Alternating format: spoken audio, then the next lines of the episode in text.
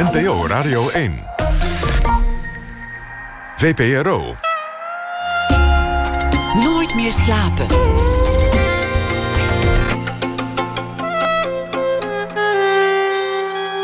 Met Pieter van der Wielen. Goedenacht en welkom bij Nooit meer slapen. Florence Tonk komt langs na ene. Zij is dichter en schrijver en journalist en schreef een roman IJsheiligen over twee halfbroers die elkaar pas later in hun leven leren kennen. En misschien was het voor allebei beter geweest als ze dat niet hadden gedaan. Thomas Heerma van Vos schrijft een verhaal bij de dag die achter ons ligt. Maar we beginnen komend uur met de gebroeders Jussen. Lucas en Arthur Jussen, twee pianospelende broers die niet elkaars concurrenten zijn, zoals de broers in de roman van Tonk. Ze zijn juist onafscheidelijk, ze zijn elkaars beste vrienden en ze zijn elkaars beste collegae. Als je ze samen ziet spelen, dan denk je even dat die handen door één brein worden aangestuurd. Ze werden beroemd met prachtige uitvoeringen van Mozart en Saint-Saëns en uh, ander klassiek repertoire. Maar ze wagen zich nu aan een nieuwe flinke kluif. Een mantra van Karl-Heinz Stockhausen. Dat stuk gaan ze tijdens het Holland Festival spelen. De componist die schreef dat stuk ooit voor twee andere pianospelende broers, de gebroeders Kontarski. Het geldt als een bijna onmogelijk stuk om te spelen. Lucas die werd geboren in 1993.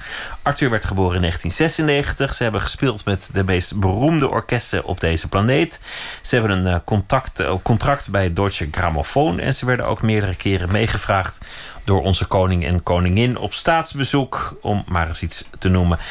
Welkom uh, allebei, uh, Lucas en Arthur uh, Jussen. Dankjewel. Wat een intro zeg. Ja, Jeetje. Intro. Ja. nou ja, dan weten mensen wie, wie, er, wie er tegenover zit. Ik moet er eigenlijk ook nog zeggen, het zijn die, die twee blonde jongens die altijd zo enthousiast zijn. En als ze vertellen, en dan weten volgens mij de meeste mensen wel wie wie is. Ja. Um, Lucas, laten, laten we met jou beginnen. Ja. Uh, dat, dat pianospelen, jullie, jullie ouders zaten allebei al in de muziek. Klopt, ja. Uh, onze moeder die geeft uh, dwarsfluitles op muziekschool. En uh, onze vader is de paukenist van het Radio Philharmonisch Orkest. En dat is altijd zo geweest, sinds wij geboren zijn. En ja, dan, dan, dan rol je er eigenlijk vanzelf snel in. Ik kan me niet anders herinneren dan dat ik vaak meeging naar het orkest, naar, naar concerten. Um, ik denk dat dat voor Arthur niet anders was toen hij geboren werd. En uh, ja, dan, dan, word je toch op uh, vrij jonge leeftijd bekendgemaakt met, uh, met klassieke muziek. En was het ook al meteen de piano, je instrument? Of heb je ook nog wel andere instrumenten overwogen? Uh, voor mij wel. Voor mij was het eigenlijk meteen de piano. We hadden thuis een, uh, een kleine piano staan. En daar speelde nooit echt iemand op. onze moeder die kan een beetje piano spelen. Maar die speelde daar ook niet dagelijks op. En ik, ik zag dat instrument staan. Ik vond het een mooi instrument. En op een dag ben ik er gewoon achter gekropen. Uh, toen heeft mijn moeder die heeft met Wilhelmus geleerd. Zo is het eigenlijk een beetje begonnen. Maar voor mij is het nooit um, de vraag geweest... of het eigenlijk een ander instrument had kunnen zijn. Bij, bij Arthur wel. Ik, ja, volgens mij... Ik mocht een instrument kiezen... en toen was het of viool of piano. En... Uh, toen het moment daar was, ben ik toch denk ik mijn grote broer achterna gegaan. Omdat uh, ja, de jongere broertjes die willen toch altijd wat de oudere broer kan. En, dus toen heb ik ook voor piano gekozen. Was dan vanaf dat moment vechten om de piano? Want er was maar één piano in huis en jullie wilden allebei heel veel oefenen. Um, nou, in het begin was dat wel... Of nou, in het begin viel er wel mee, want toen studeerden we misschien een uurtje per dag of zo. Dus dat ging wel. Maar na een tijdje, toen het steeds wat meer werd... werd dat inderdaad wel een, uh, een issue. Want... Uh, um, ja, gewoon met de tijd. We moesten allebei naar school. En dan moest je na drieën moest je allebei nog twee uur, tweeënhalf uur studeren. En we moesten ook nog voetballen of tennissen. En dan uh, was het soms lastig. Dus toen uiteindelijk is er ook nog een tweede bijgekomen. En nu hebben we er zelfs drie. Ja, het is vreselijk. Maar, uh, dus we kunnen in ieder geval apart studeren van elkaar. En die piano moet natuurlijk ook wat, wat zieker worden. Naarmate je een, een hoger niveau ambieert. Dan, dan voldoet de eerste waarschijnlijk niet meer. Of viel dat wel mee? Ja, dat, dat is altijd een beetje de vraag. Er zijn ook heel veel uh, uh, pianisten die eigenlijk zweren bij het feit dat je thuis op een slechte vleugel studeert. Want dan heb je, heb je in ieder geval geoefend op iets dat tegen zit, ja, met, met wind tegen. En dan heb je daarna, alsof je van de helling affietst, een, een prachtige klopt. vleugel tot je beschikking. Ja, ja ons, uh, het grote nadeel van pianist zijn is eigenlijk dat je, ja, je speelt nooit op je eigen instrument. Je, ben, je bent altijd afhankelijk van wat er staat. En soms werkt dat in je voordeel als er een geweldige piano staat. En soms ook in je nadeel als er een niet zo goede vleugel staat. Maar um, ja, we, we hebben uiteindelijk wel die, die upgrade zeg maar, gemaakt. Dus we hebben nu een, uh, we hebben een hele mooie Steinway D uh, vleugel thuis staan. Dat is een grote concertvleugel. En um, ja, dat, dat is een schitterend instrument. Maar, maar dat is dus nogmaals... Uh, je, je, je, je hebt zoveel luxe thuis van dat instrument... dat soms dan kom je wel eens ergens dat je denkt van ja, dat, dat valt tegen. En dat, ja, dat probleem hebben violisten of cellisten allemaal niet. Zangers, die hebben het wat dat betreft veel makkelijker. Jullie ouders hebben zelfs de hypotheek uh, verhoogd op hun huis om, om, om zo'n mooie piano voor jullie te kunnen kopen. Zo, zo ja. steunden ze jullie in, in, uh, in jullie ontwikkeling. Ja, ah, ja. ja, dat, zo? ja, ja dat is zo, zeker. ja. Ja, ja. toen, toen de eerste... Um, op een gegeven moment werd die overstap gemaakt van een piano naar een vleugel echt. En dat, uh, ja, dat, dat, zijn toch, um, dat zijn toch de bedragen... Dan moet je aan een goede auto denken echt. En uh, onze ouders hebben allebei een, een, een goede baan. Echt, echt wel een goede baan. Maar dat zijn toch niet uh, dat waren toch niet bedragen die ze zich toen zomaar in één keer konden veroorloven. Maar um, ja, die hebben dat toen toch gedaan. Die, hypotheek erbij genomen. En die vleugel is er gekomen. En uh, ja, dat, dat, daar, daar hebben we natuurlijk ontzettend mee geboft. Zeker als we daar nu op terugkijken. Het bijzondere is dat jullie allebei een enorm talent bleken te hebben. Maar ook dat jullie allebei heel gedreven waren. En dat het al vrij jong jullie droom werd. Om, om er je beroep van te maken. Om het, om het in die muziek ver te schoppen. Niet iedereen met een supertalent heeft natuurlijk ook meteen de ambitie. Nee, dat is, dat is waar. Dat klopt. Um, nou, het komt denk ik vooral omdat we er eigenlijk altijd zoveel plezier in hebben gehad. En dat was al... Um, um, dat, dat komt natuurlijk als er leuke concerten zijn en je veel respons krijgt. Tuurlijk is het dan leuk. Maar we eigenlijk daarvoor het muziek maken en uh, het ook in de kleinere zalen spelen voor, voor, voor, voor 20 man, dat, daar genoten wij van. En, en dat plezier is denk ik iets heel belangrijks. En daarnaast zijn we ook altijd met z'n tweeën. Dus we hebben het ook altijd nog gezellig voor, zowel voor als na het concert. Dus ik denk dat we er altijd van genoten hebben. En dat dat iets belangrijks is in, in, in, de, in de ontwikkeling van het hele geheel. Is er daar één voor gegaan? Was het zo dat, dat, dat Lucas als eerste die ambitie kreeg en, en, en dat, dat jij Arthur volgde? Of hadden jullie dat tegelijk? Dat, dat, het, uh, dat er ook ambitie kwam? Mm, nou, ik, ik, ik, ik ben ouder, ben altijd ouder geweest. Dus uh, toen ik acht was, negen, toen, toen begon Arthur net. Dus misschien dat er bij mij wat meer het, besef was toen de tijd. Van ik, ik wil dit echt graag doen, ik vind het hartstikke leuk. Maar uh, um, laat ik het zo zeggen, toen Arthur acht was was, dat, was die ambitie bij hem evenveel dan dat het bij mij was toen ik acht was. Zo op die manier. En um, ja, al dat, dat leeftijdsverschil bijvoorbeeld, dat slijt ook al heel erg snel. In het begin merk je dat natuurlijk een, een, een klein beetje. Nogmaals, toen ik acht was en Arthur vijf, dan merk je dat. Maar toen ik uh, bij wijze van spreken 13 was en Arthur 10, dan, dan merk je dat al bijna niet meer. Dus, um, en nu al helemaal niet meer? Nu al helemaal niet meer. Nee, nee, nee, helemaal niet meer. En dat, eh, die ambitie is voor mijn gevoel uh, daarna eigenlijk altijd hetzelfde geweest. Even groot en even sterk bij Arthur als dat hij uh, bij mij is. Er is tussen jullie uh, geen enkele vorm van concurrentie volgens mij. Geen, geen strijd, geen, geen uh, poging om uit elkaar schaduw te stappen. Geen, nou, geen uh, behoefte om zich los te maken. Je moet dus een keertje bij een tenniswedstrijd ja, komen kijken. dat wel. Ik ben, ja, ik ben de betere tennisser hoor. Ja, nou, Echt waar. Nou, kan ik je nu op een Ik zeg niks. Ik praat alleen maar op de baan. Ik praat alleen maar op de baan. Oh, ja. Maar als, als pianisten zoeken jullie elkaar liever op dan, dan dat jullie afstand nemen. Ja, ja, ja nee, daar, daar is echt... Um, totaal geen concurrentie. Nee, ik, ik gun bij wijze van spreken nog eerder mijn broer dan dat ik hem mezelf gun. Dus, uh, en andersom volgens mij ook. Dus dat, dat, dat, dat, en trouwens, muziek. Uh, ja, de, in muziek is is er natuurlijk ook niet echt concurrentie. Het is toch ook een, een, subjectief iets. En, um, maar nee, we gunnen elkaar echt de hele wereld wat dat betreft. Maar jullie spelen ook graag samen. Het, liefst gaan jullie samen op tournee, samen naar, naar een optreden toe. Als het even kan, dan, dan, dan zijn jullie eigenlijk het gelukkigst als jullie samen een, een, een, duet kunnen spelen. Nou, we vinden het ook leuk om, om apart te spelen. Dat is het niet zozeer. Alleen, uh, ja, vooral als je op reis bent, is het toch. Uh, kijk, op zo'n concert dan zitten natuurlijk heel veel mensen in de zaal. En na afloop krijg je, krijg je hopelijk de complimenten en is het allemaal feest. Alleen daarna kom je toch alleen in je hotelkamer. En de volgende dag moet je weer alleen op reis, zit je weer alleen op dat vliegveld. En als je met z'n tweeën bent, ja, wij hebben toch altijd lol waar we ook zijn. Um, en uh, eh, we maken er toch altijd een, een, een, ja, een, feestje van. We maken het gezellig. We zijn met z'n tweeën. En daarnaast voelen we ons ook, als we het podium opgaan... we voelen ons heel sterk met z'n tweeën. Ehm, uh, ook voor, voor een concert, als we dan met z'n tweeën staan... We, is gewoon veel zelfvertrouwen. En, en, en we, het plezier van de muziek maken... daar hebben we vooral zin in als we, als we, als we backstage staan... en we moeten het podium op. En um, we begrijpen elkaar en, en we hebben het gewoon goed met elkaar. Dus dat, dat is gewoon fijn om dat te hebben. Je hoort ook wel eens van broers die samen musiceren. De, bijvoorbeeld uh, de groep Tangerine had ik niet zo lang geleden ja. hier te gast. Ja. En die vertelde dat het, dat het bij hun juist heel grimmig werd. Omdat ze, dat ze elkaar heel hard op hun fouten konden, konden wijzen. Omdat ze precies weten waar die ander beter kan. Precies weten waar, de, uh, waar, waar iemand het een beetje heeft laten afweten. Ja, ik, ik denk wel dat wij dat... Um, we weten dat ook wel van elkaar. We horen dat wel. Maar um, ja, en, en kijk, we, we, kunnen ook wel eens momenten hebben... Um, zoals nu bij Mantra, als er gewerkt wordt aan, aan, aan, Mantra... het stuk van Stockhausen, dan, uh, dan wordt er kritisch gewerkt. En dan, dan is de sfeer niet altijd uh, net zo gezellig... als dat je met elkaar in de kroeg staat. Maar uh, ik denk dat we allebei van elkaar weten dat... de ander uh, uh, zich verantwoordelijk genoeg voelt... om goed genoeg voor zijn eigen partij te zorgen.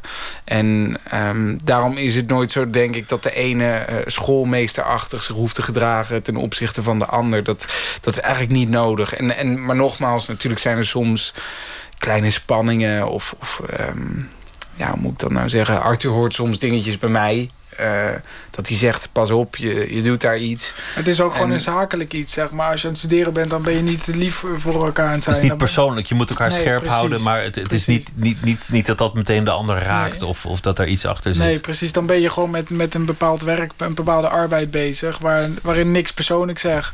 Waarin je niks persoonlijks tegen iemand zegt. Alleen puur voor het doel wat je uiteindelijk wilt halen. En dat is vice versa. Dat is Lucas tegen mij en ik tegen Lucas. Er zit natuurlijk wel een grens aan... Uh, kijk, als iets fout is, dan is het fout. Als ik een fout ritme speel of een foute noot... of Arthur andersom ook, dan is het fout. Dan kan je elkaar daarop wijzen. Er, zijn natuurlijk wel grenzen als het gaat over um, interpretatie. Als je merkt dat de ene heel erg zijn interpretatie wil opdringen aan de andere... en dat is echt een persoonlijk iets... dan heb je het natuurlijk niet meer zozeer over goed en fout.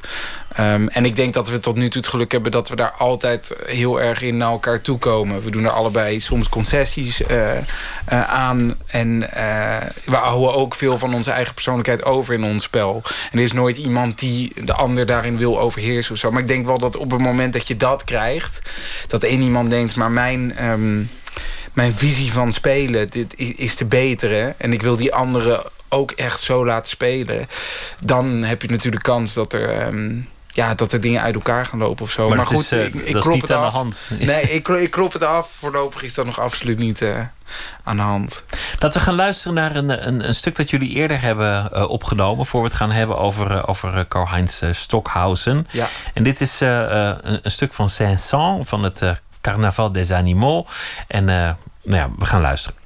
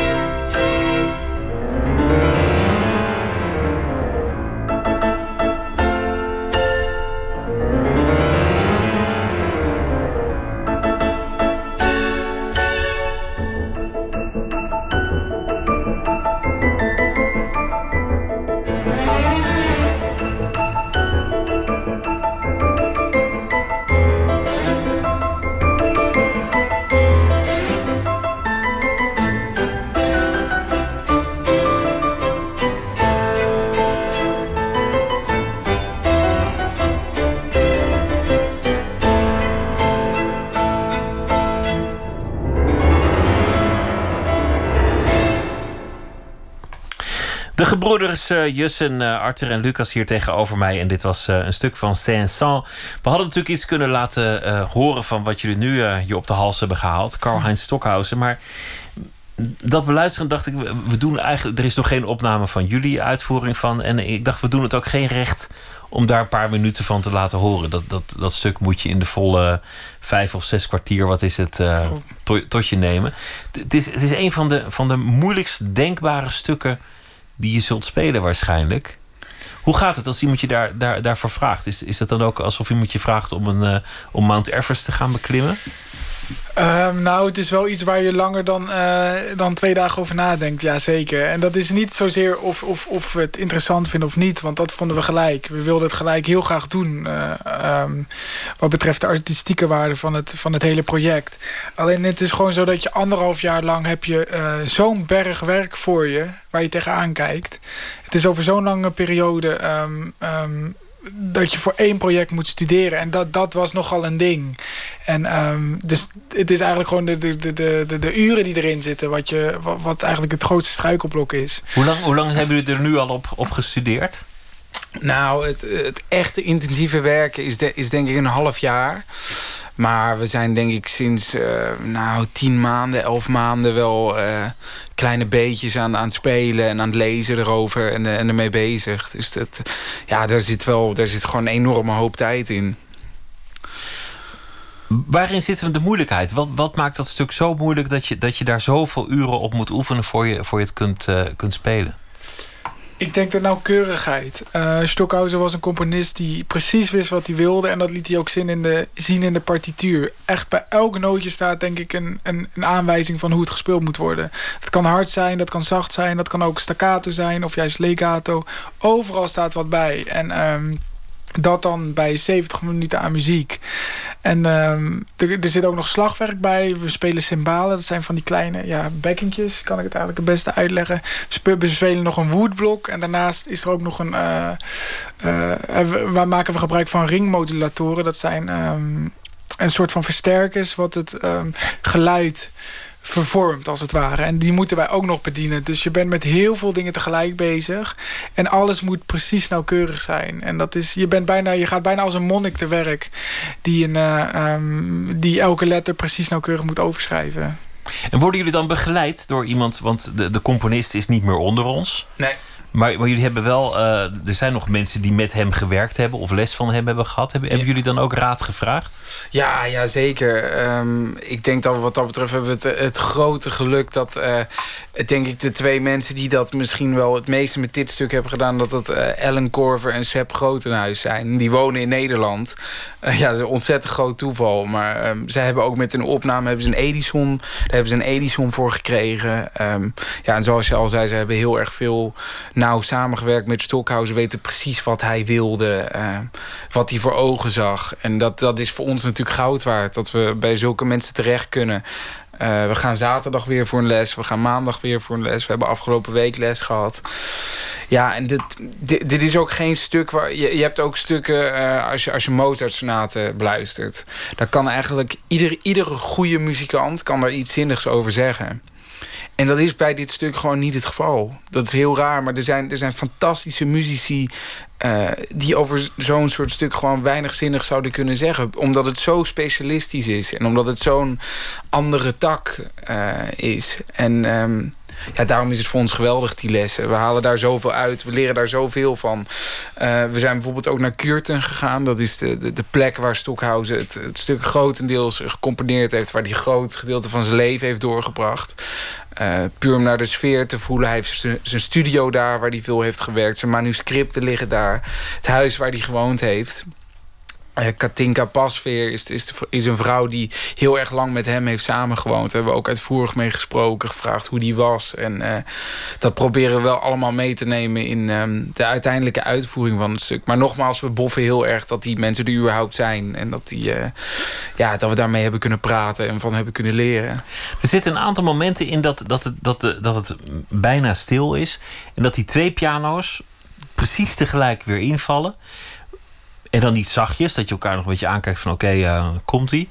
Maar hard en, en echt exact tegelijk. En dan ook nog in een, in een vrij ingewikkelde maat. dan moet, je, dan moet je wel allebei precies op hetzelfde spoor zitten om dat goed te doen. Ja, zeker. Ja, ja. ja, er zitten heel veel van dat soort dingen in. Ehm, inderdaad ook veel stiltes. En uh, dat zijn dan bijvoorbeeld twaalf tellen. En dan moeten er dan ook precies twaalf zijn. Maar soms is dat zo lang. Dan heb je bijna een minuut dat je niks aan het spelen bent. Dan moet je zo'n rust en geduld voor hebben. Dat uh, gek genoeg... Uh, die passages waarin je eigenlijk vrij weinig hoeft te doen... die zijn vaak nog het moeilijkste. Dat je de rust kan bewaren om uit te tellen. We hebben al vaak les gehad... Um, uh, van Sepp en Ellen dat ze zeiden van... Uh, maar daar waren geen twaalf tellen, dat waren er echt maar elf. En dan zit je, ja, dan heb ik... Dan, dan, dan, ze hebben ook gelijk, maar dat, dat, dat moet je allemaal en, leren. Zijn jullie dan wel tegelijk fout? Is het dan wel na elf tellen dat jullie allebei tegelijk denken dat, dat je er ah, al bent? dat wel. Ja, ja dat, wel. wel. Ja, zijn wel spat gelijk. Maar, Gelukkig wel. ja. Nou ja, dat scheelt. ja, dat scheelt, ja.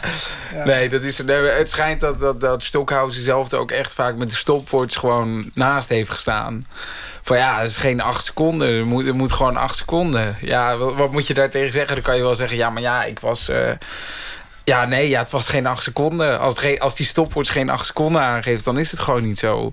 En uh, ja, zo, zo worden wij nu ook... Ja, aangepakt is misschien niet het, goede woord. Maar uh, um, ja, dat zeggen ze wel ook tegen ons en terecht. Maar het is ook interessant, want jullie zouden eh, het jezelf makkelijker kunnen maken en, en Mozart kunnen spelen. Dan, dan, dan heb je volle zalen, dan, dan kun je op tournee. Dan kun je eigenlijk inmiddels uh, heel Europa zo bespelen met, met, met nog een keer Mozart. Hier gaan jullie een, een, een half jaar heel intensief oefenen. En, en dat een stuk spelen dat toch ook riskant is, omdat het, omdat het moeilijk is. Mm. En het is een stuk dat, dat volgens mij niet iedereen begrijpt... en waar je, waar je ook niet een, een maand lang volle zalen mee zult, uh, nee. zult bespelen. Nee, dat, dat is ook zo. Um, waarom doen jullie dat dan toch? Ja, dat, uh, ik moet zeggen dat we het in het proces onszelf wel ook een paar keer hebben afgevraagd. hoor. Op momenten dat het echt moeilijk werd. Maar um, ja, kijk, dat, dat Mozart spelen, dat blijven we ook sowieso doen. Uh, en die afwisseling is juist ook heel erg belangrijk. Maar ik denk wel dat je ook... Um, uh, we zijn natuurlijk nog, nog vrij jong in, in, in de klassieke muziekwereld. En ik denk dat we het aan onszelf verplicht zijn ook om, om continu wel een soort grens op te zoeken van, um, van wat we kunnen. En ook juist dingen te proberen waar we misschien ons niet zo comfortabel bij voelen in eerste instantie. En het is, het is wat jij zegt, ja, je kan ook inderdaad ervoor kiezen om je hele leven gewoon Mozart en, en Beethoven, Schubert. Uh, ook prachtig, ook en, mooi. En dat is ook prima, ja, nee, het is ook heel mooi. En er zijn heel veel muzikanten die dat ook doen. Um, en ja, ik moet ook eerlijk zeggen dat, kijk, als het ons niet gevraagd was door het Holland Festival, dan waren we er misschien ook niet zo snel opgekomen. Dan hadden we waarschijnlijk niet, toch? Dan hadden we niet uit onszelf gezegd van, hé, uh, hey, we gaan mantra met z'n tweetjes spelen. Maar omdat de vraag er was en uh, ja. Het, het, is, het, is, ook, denk ik, heel fris om jezelf te blijven uitdagen. Het is misschien een beetje een cliché-opmerking, maar het is wel echt zo. Het, het houdt je zo fris. Je, je, moet zo, je moet je zo ergens in verdiepen. En dat kost heel veel energie. Alleen dat daar leer je ook ontzettend veel van. En je krijgt er heel veel voor terug. En uh, ik, ik denk dat we hier heel veel aan hebben in de, in de toekomst. Uh, of gaan aan hebben. En dat is ook als we Mozart gaan spelen. Dan hebben we toch ook iets aan uh, het feit dat we, dat we dit ook hebben gedaan. Hoe dat precies in elkaar zit, weet ik ook maar niet. Het is, het is interessant, het is, het is leerzaam. Die, die Stockhausen is natuurlijk de, de, de grondlegger van elektronische kunstmuziek. Ja. Hij, hij, heeft een enorme invloed gehad op Miles Davis bijvoorbeeld. Was een ontzettend groot fan van hem. Ja, vertelde je. Ja, ja, Dus het heeft heel veel uh, raakvlakken met alles wat ernaast gebeurt. Het, ik bedoel, ik kan me voorstellen dat muzikologisch gewoon ontzettend interessant is om, om, daarin te duiken. Zeker als niemand dat ooit doet. Ja. Zeker, ja. ja nee, ja. is het ook. Ja, ik weet wel dat die krachtwerk ook uh, je geïnspireerd heeft ook. Maar uh, Miles wist ik inderdaad niet. Maar dat is wel geweldig. Ja, ik vind sowieso dat die, die moderne klassieke muziek en die, en die jazz, vooral de, de wat vrijere jazz, dat die, die, hebben een ontzettend nauw verband met elkaar. Dat abstracte, dat, dat, dat vind je in de, in, de, in traditionele klassieke muziek niet terug. En in de traditionele jazz en de standards eigenlijk ook niet. Maar op het moment dat, dat je... Dat je um, ja, de, dat Miles Davis of John Coltrane of Stockhouse in dit geval ook... dat je echt dat extreme opzoekt... dan, dan wordt, het, wordt het bijna iets abstracts. En dat hebben ze wel echt met elkaar gemeen. Overigens speelde Stockhausen... heeft vroeger ook heel veel jazz gespeeld. Echt in barretjes en de standards ook. Dus het is wel een, eh, een, grappig verband, ja. Dat dat weer allemaal, allemaal terugkomt. Ja, ja, ja. We gaan, uh, we gaan luisteren naar iets heel anders, namelijk uh, Mozart. Kijk. En dit is een concert voor twee piano's en orkest... En uh, dit deel is uh, Andante.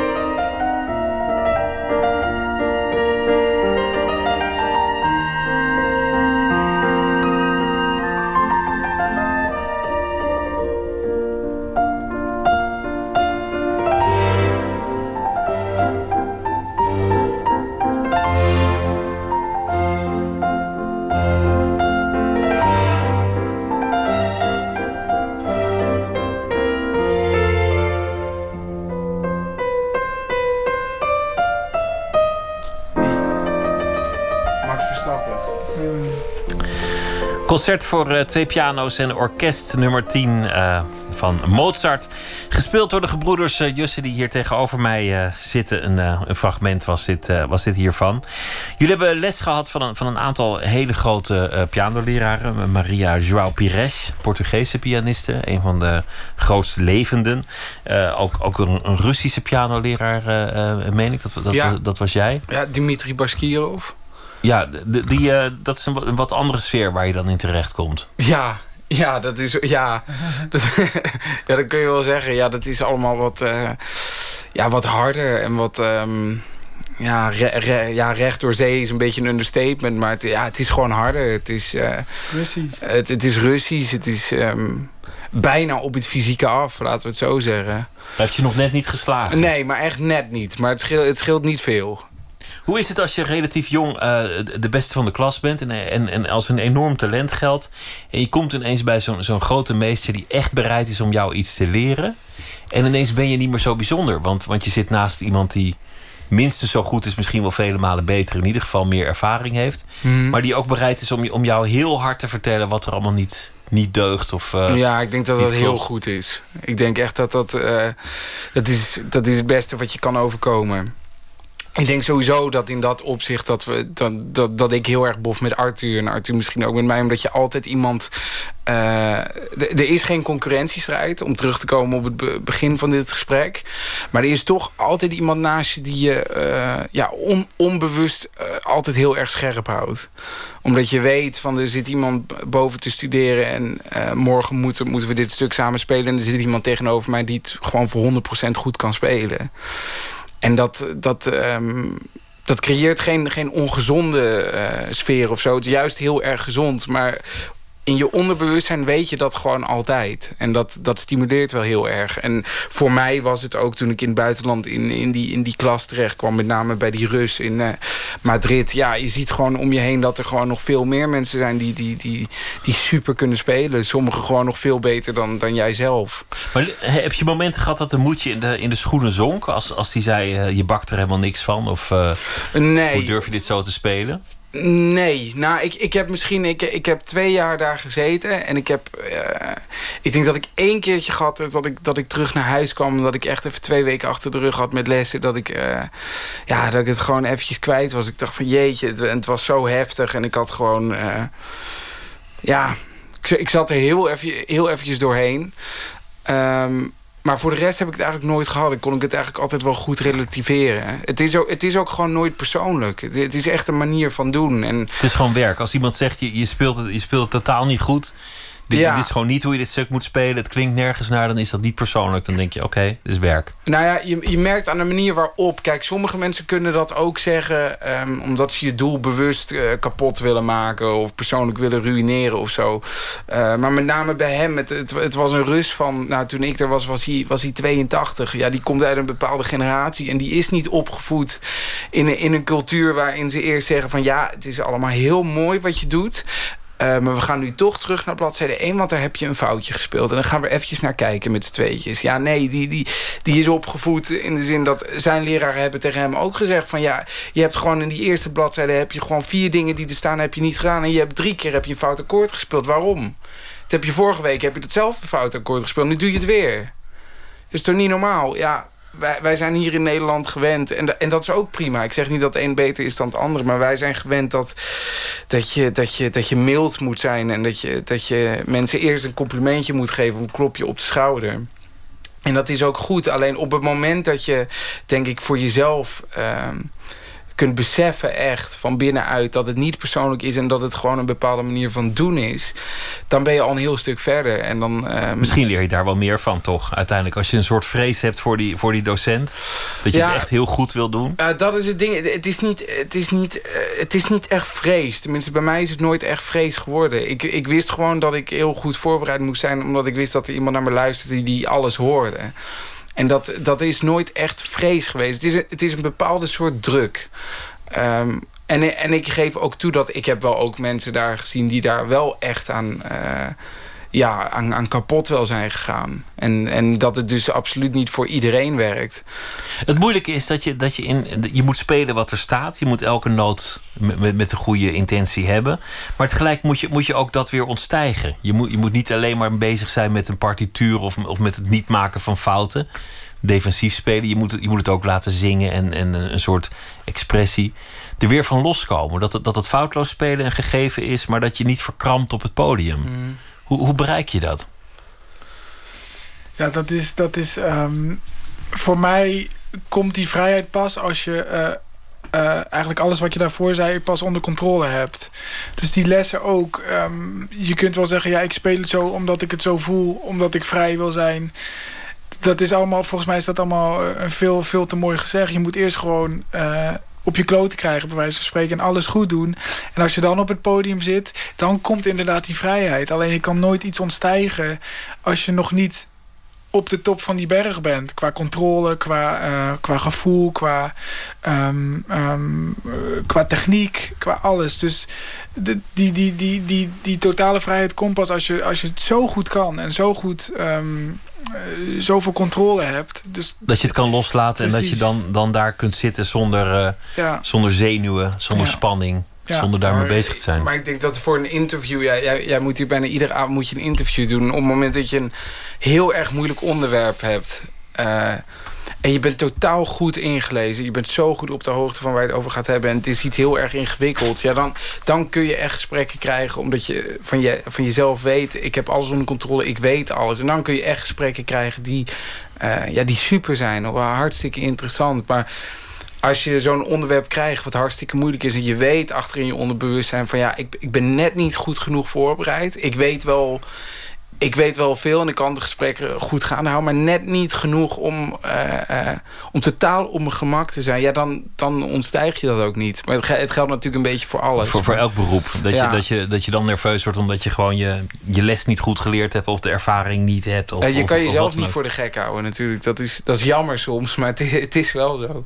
Met, uh, met Maria Joao Pires, die is, die is beroemd vanwege haar fluwele aanslag... wordt vaak gezegd. Een heel, heel zachte stijl heeft. Of niet, niet zacht dat, nee, dat ze zacht speelt, maar nee, ja, zachtaardig. Ja, een, een uh, vrouwelijk wordt het ook wel eens Klopt. genoemd. Zeker. Heeft, hebben jullie een eigen stijl gevonden? Want, want je, je speelt dan met docenten die zo van elkaar verschillen. Van, van die, die, die, die, Russische ruigheid naar, naar die Portugese fluwele uh, zachtheid. Ja. Nou, ik denk dat je natuurlijk, je wordt altijd, uh, um, je krijgt altijd een, toch een groot gedeelte van die docenten mee. Maar uiteindelijk speel je toch zoals je zelf uh, speelt. Iedereen is anders. En ook al zou je iemand precies willen imiteren, volgens mij lukt je dat niet eens. Um, maar het is, het, we, hebben, we hebben enorm veel geleerd van Marie-Joao Pires. En dat komt vooral omdat we, we waren in een bepaalde leeftijd. Ik was denk ik rond de 13 jaar. Nee, nee, eerder nog. Ja, jij was 10, jonger. Ik was 10, rond 10 en jij ja, was 13, 14. Ja. Ja. Um, en toen hebben we een jaar bij haar geleefd. En um, op haar landgoed in Portugal en in Brazilië. En dan ben je zo jong en dan ben je nog zo kneedbaar. Dan, um, dat is echt de leeftijd waarop, waarop je eigenlijk alle kanten op, op kan gaan. En wij hebben het geluk gehad dat we toen bij haar zijn geweest. En heel veel repertoire hebben doorgenomen. En dat was niet zozeer lessen in de zin van dat zij zei wat wij moesten doen. Maar vaak kwamen ze er gewoon naast zitten, naast zitten en dan speelden ze het voor. En daar zat je dan twee millimeter van af hoe zij dat voorspeelden. En daar hebben we zoveel van meegekregen. Dus we zijn daar wel ontzettend dankbaar. Want dan zit je naast een van de allergrootste op, op deze planeet ja. op dit moment. Ja. En, die, en die, die zit naast je en die speelt het even voor. Ja, ja. En, en, en dat probeer dan bij wijze van spreken gewoon na te doen. Je probeert gewoon te krijgen uit die piano wat zij uit die, uit die vleugel krijgt. En, en dat begint met een beetje imiteren en langzamerhand, langzamerhand ga je het een beetje begrijpen. En daarna denk je weer, ik begrijp er helemaal geen snars van. Maar je krijgt er onbewust heel veel van mee, vooral op die leeftijd. Dus, uh, ja. Er is die opname, die, die, die is al vaak getoond... dat ze een soort publieke repetitie heeft met het Concertgebouworkest. Ja, ja. En ze heeft het verkeerde stuk doorgekregen. Dus ze zit daar en het orkest zet in... En ze realiseert zich dat ze, dat ze daar helemaal zich heeft voorbereid op de verkeerde partij. Ze heeft ook geen partituur bij zich van, van het andere stuk. Maar ze heeft het ooit lang geleden gespeeld. En dan zie je er graven in dat geheugen helemaal, helemaal verlamd van de zenuwen. En op het moment dat ze moet spelen, heeft ze het gewoon helemaal voor elkaar. Dan heeft ze dat toch ergens uit dat geheugen weten te, Ja, te vissen. ja, ja, legendarische opname wel ook. de- Die videobeelden, ja, dat is... Ja, dat... Ja, het, het is, het is een fantastisch fragment. En ik wil er ook helemaal niks aan afdoen. Nee, maar het is nee. natuurlijk... ehm, eh, nou, eigenlijk moet ik, daar ook, moet ik ook niks over... Het is Ja, een, het is we, een- we maken het kapot zo, hè? Ja, ja. ja, ja, het is... Nee, nee. Nee, nee, het is natuurlijk zo... Dat andere concert wat ze, wat ze, wat ze uiteindelijk speelde... dat heeft ze natuurlijk ook al honderdduizend keer gedaan. En dat zit echt wel... En ook wel op cd gezet. En En, dat, eh, dat zit echt, dat zou ze ook, eh, denk ik, vier uur, als, als je er om vier uur s'avonds wakker maakt, zou ze dat ook nog eruit kunnen krijgen, denk ik. Maar het is gewoon een schitterend fra- fragment. En, en die spanning eh, met die dirigent, met Sh- Shai, en die zegt, ja joh, dat speel, kom, doe dat gewoon. En die mensen ook in de zaal, want het was inderdaad een, eh, een, een openbare repetitie. Dat hele moment was En gewoon opgenomen. Ja. Ja. En het is, het is ongelooflijk hoe ze die eerste maat speelt. Dat, dat, daar gaat het eigenlijk om. Ja, het is, het is, Mozart heeft maar twee pianoconcerten in minor geschreven. En, ehm, en dit is daar één van. En de, de, de dramatiek die in, die in het eerste toetie van dat orkest zit... is zo ontzettend groot. En, en dan die zenuwen, die, die mevrouw die ja. zich zo opwindt. Ja. Dan komen die zenuwen erbij en je ziet er kijken. En je, en je ziet die dirigent ook die eigenlijk geen gehoor geeft aan het feit... dat zij het verkeerde concert heeft ingestudeerd... maar gewoon alleen maar zegt, we gaan door en je gaat het doen en je kunt het. En dan een moment van paniek. En dan komt inderdaad, ja, wat jij net al zei... het is, het is nog meer die, die eerste paar maten die ze alleen speelt... Of ze dat concert nou de avond van tevoren eh, nog tien keer heeft gespeeld... of tien jaar niet meer, dat, dat maakt op dat moment niet meer zoveel uit. Maar de manier waarop ze die eerste openingsmaten speelt, dat is, Geniaal. dat is geniaal. ja. Hebben jullie, ik- hebben jullie wel eens grote stressmomenten op het podium? Tijdens, want want nu, nu ben je bijvoorbeeld een half jaar aan het studeren eh, o- op Stockhouse. En dan komt het toch aan op het, op het moment van de uitvoering. Wat, wat zijn de dingen waar, waar jullie eh, s s'nachts badend in het zweet van wakker worden? Nou, dat we hebben, eh, tenminste, ik denk dat we dat niet hebben. Want het zit hem meestal in de voorbereiding. Als je zo goed bent voorbereid, dat de kans heel klein is dat er iets mis kan gaan, ben je ook niet nerveus.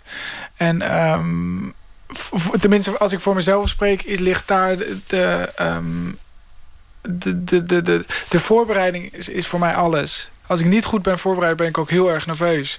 Omdat ik voel dat er een grotere kans is dat het mis kan gaan. Maar als ik op en top ben voorbereid, wat ik eigenlijk altijd probeer te doen voor een concert. Dan heb ik zoiets van, nou, nu, al het werk is gedaan. Ik ga nu het podium op. En nu, dit is slechts het leuke gedeelte van het hele traject. Nu mag ik het laten horen waar ik zo lang voor heb gestudeerd. Dus, eh, en tuurlijk zitten er gezonde zenuwen bij, tuurlijk. Maar ehm, voor mij is het meer een, een, een, een, een, een, een vrijlating van al het werk wat ik... eh, Waar je naartoe hebt geleefd, Ja, een, feest. Ja. We gaan eh, nog een gedeelte laten horen van Saint-Saëns, van jullie laatste album. ja. eh, van het eh, Carnaval der Dieren. En dit eh, stuk heet De Zwaan.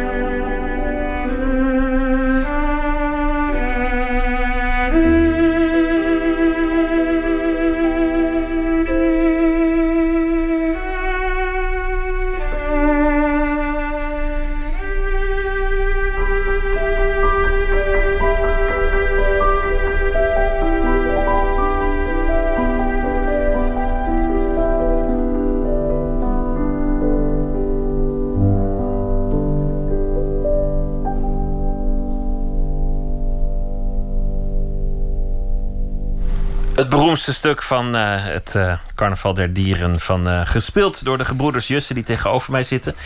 Opgegroeid in Hilversum, maar van Limburgse kom af. Nog steeds allebei een zwak voor, voor het zuidelijke. Carnaval vieren jullie niet volgens mij.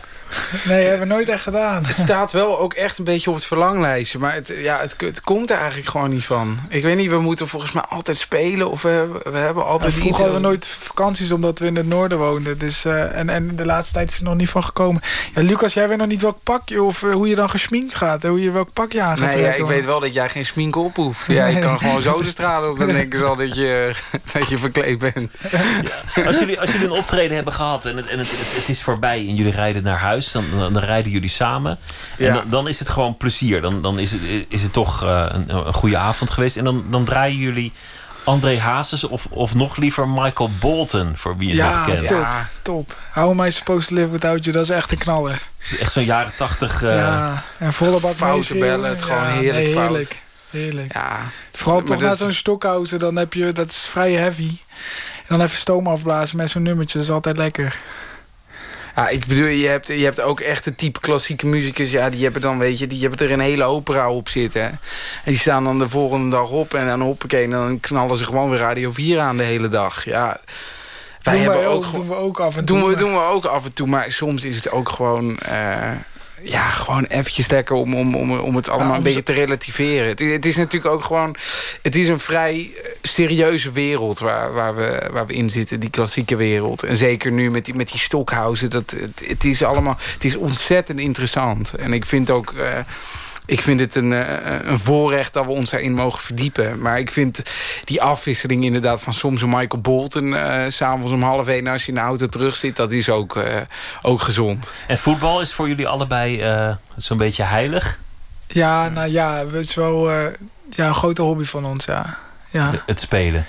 Het spelen, maar ook het kijken, ja. Nou, Ja. nou, dit seizoen, we zijn grote Ajax-fans en we waren bij de, de kwartfinale en de halve finale van de Europa League. En dat was toch wel zo'n mooie sfeer. Ja. Dat heb ik echt nog nooit meegemaakt. Dus toen, eh, dat, waren we, dat vinden we dan ontzettend leuke momenten. Dat we daar ook daarbij mogen zijn.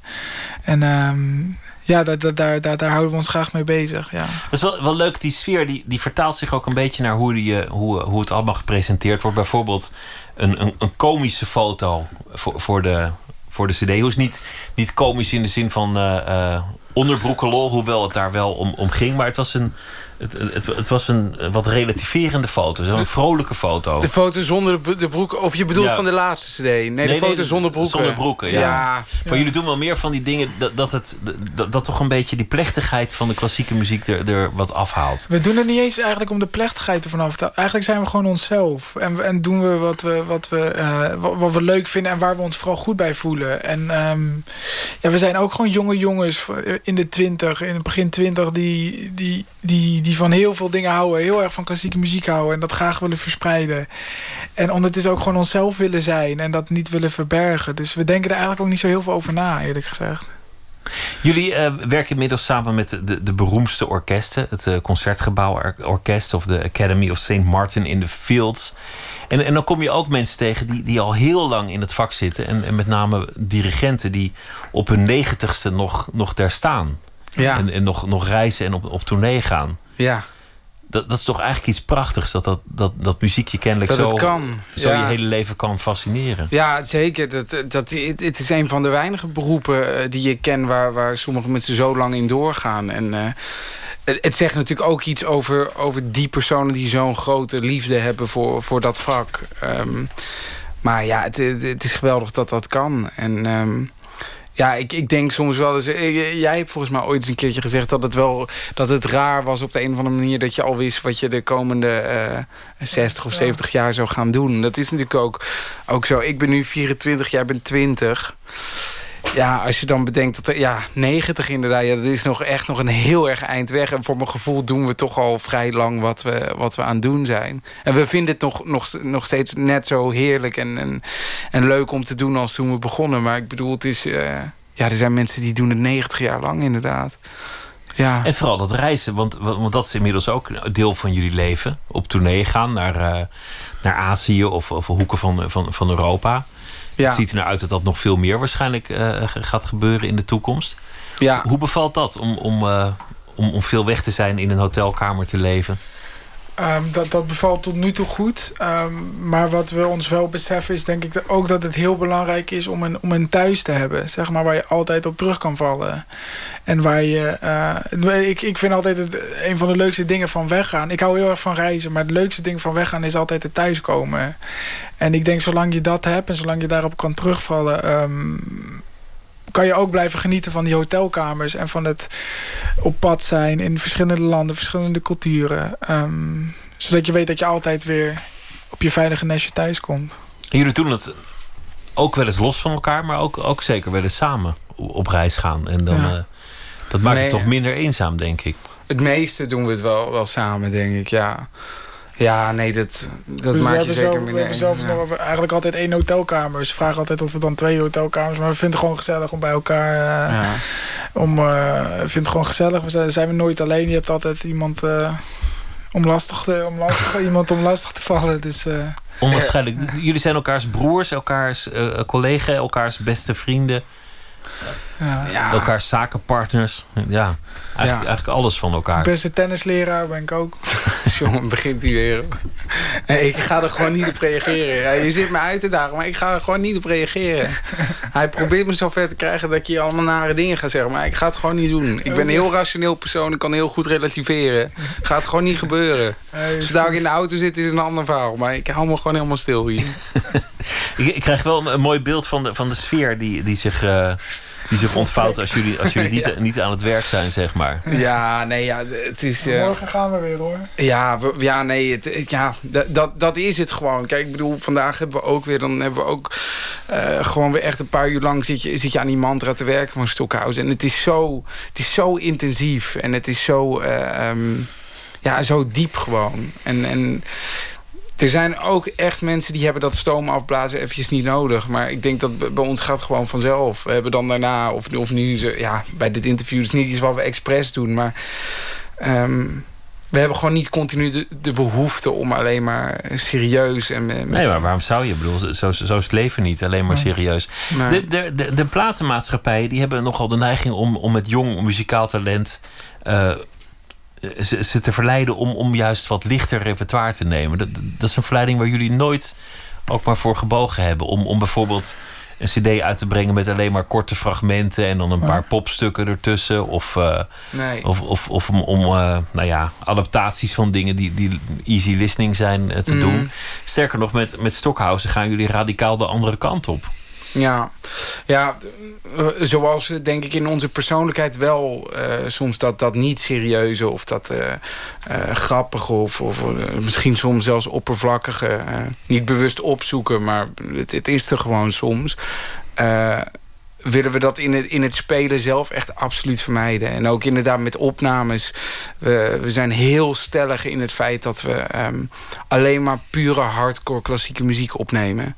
En geen kleine, kleine liflafjes of, of alleen maar toegifstukjes... wat misschien commercieel veel interessanter is voor cd-maatschappijen. Maar we, we, we zetten daar echt alleen maar dingen op... waarvan we zelf denken, hier, hier, hier hangt gewicht aan. Dit is... Um, um, dit is niet zomaar, zomaar eventjes de, de tussendoor snel iets. Het en dat moet er echt toe doen. Jullie, jullie gaan niet uh, water bij de wijn doen. Nee. Omdat het dat commercieel wordt wel ontzettend vaak gevraagd. Er wordt echt veel aan getrokken om dat soort dingen te doen. Um, uh, van alle kanten. En, uh, maar tot nu toe hebben we dat echt altijd... Um, afgeblazen. En ik denk ook dat we daar nooit uh, aan toe zullen geven. En dat betekent niet dat we, dat we nooit een toegift willen spelen. Want op concerten vinden wij ook de toegiften vinden we altijd heel erg leuk. En we spelen er altijd zoveel mogelijk.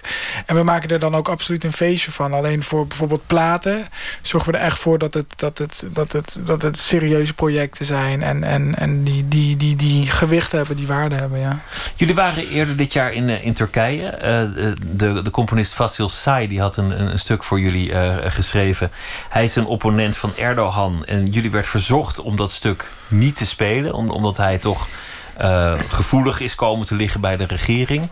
En toen deden jullie dat in de toegift. Ja, ja. Dat, dat was, een, was een, een moedige daad om, om dat daar toen te spelen. En het werd ook door het publiek echt geïnterpreteerd als een soort statement. Dat jullie dat stuk toch speelden. Ja, nou ja, het, ik, ik moet, het, het, was zo, ja, we hadden het opgegeven in het programma. Dat werd toen geweigerd. En wij snapten daar niet zoveel van. Maar het bleek dus dat hij inderdaad, omdat hij kritiek geeft op Erdogan, dat dat niet mocht. Um, maar de mensen hadden ons echt op het hart gedrukt. Dat we dat echt moesten spelen, dat stuk. Omdat het ontzettend veel voor de mensen betekende. En wij dachten ook, als Nederlandse jongens, een Turkse componist die dat voor ons heeft geschreven. Wij gaan naar hun land toe. Dat is toch een ontzettend mooi iets om te verbinden. Juist in deze roerige tijden. We hebben daar totaal geen statement mee willen maken of een kant hebben willen kiezen. Dat heeft daar niks mee te maken. De muziek, journalistiek en sport die moeten eigenlijk altijd onafhankelijk zijn van welke macht dan ook. En um, toen hebben we de eerste situatie afgewacht. En uh, ook een beetje gekeken hoe de, hoe de sfeer was. En toen hebben we besloten om het inderdaad als toegift te doen. Omdat dan niemand blaam treft. Ook de, de, de organisator niet. Uh, en een toegift is een vrije keuze. Beetje spontaan en, is uh, dat. Ja. Precies. En tot onze vreugde um, werd dat heel goed ontvangen. En wij hebben daar nogmaals totaal geen statement mee willen maken. Maar we vonden het gewoon een mooi iets. Omdat een, een geste voor het Turks volk van ons. En dat wij dankbaar zijn dat wij daar mochten spelen. En het toch een moment van uh, verbinding. Stockhausen zit eraan te komen. Het is uh, te zien tijdens het uh, Holland Festival. Hoeveel, hoeveel keer gaan jullie het uitvoeren? Eén keer.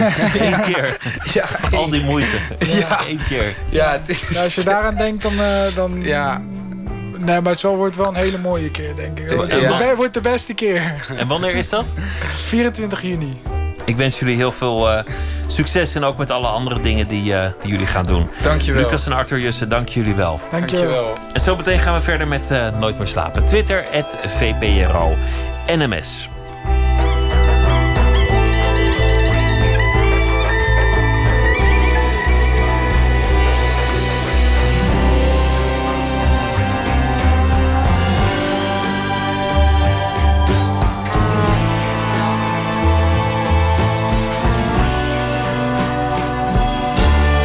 Radio 1.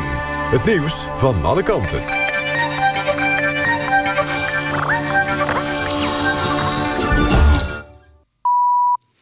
1 uur, Jan van der Putten met het NOS-journaal. Het kabinet wil dat er normen komen voor wachttijden bij genderpolies. Belangengroepen klagen dat transgenders onacceptabel lang moeten wachten... voor ze aan een geslachtsverandering kunnen beginnen. Sommige kandidaten zouden uit wanhoop zelf met hormoonbehandelingen beginnen... zonder doktersadvies. Minister Schippers zegt dat het goed is als er normen komen. Ze zegt ook dat het aantal aanmeldingen sneller groeit dan de capaciteit van de polies. Schippers hoopt dat meer ziekenhuizen en verzekeraars zorg voor transgenders gaan leveren. Schrijver en columnist Euskan Akjol wordt ernstig bedreigd. Aanleiding is een NTR-tv-serie De Neven van Eus.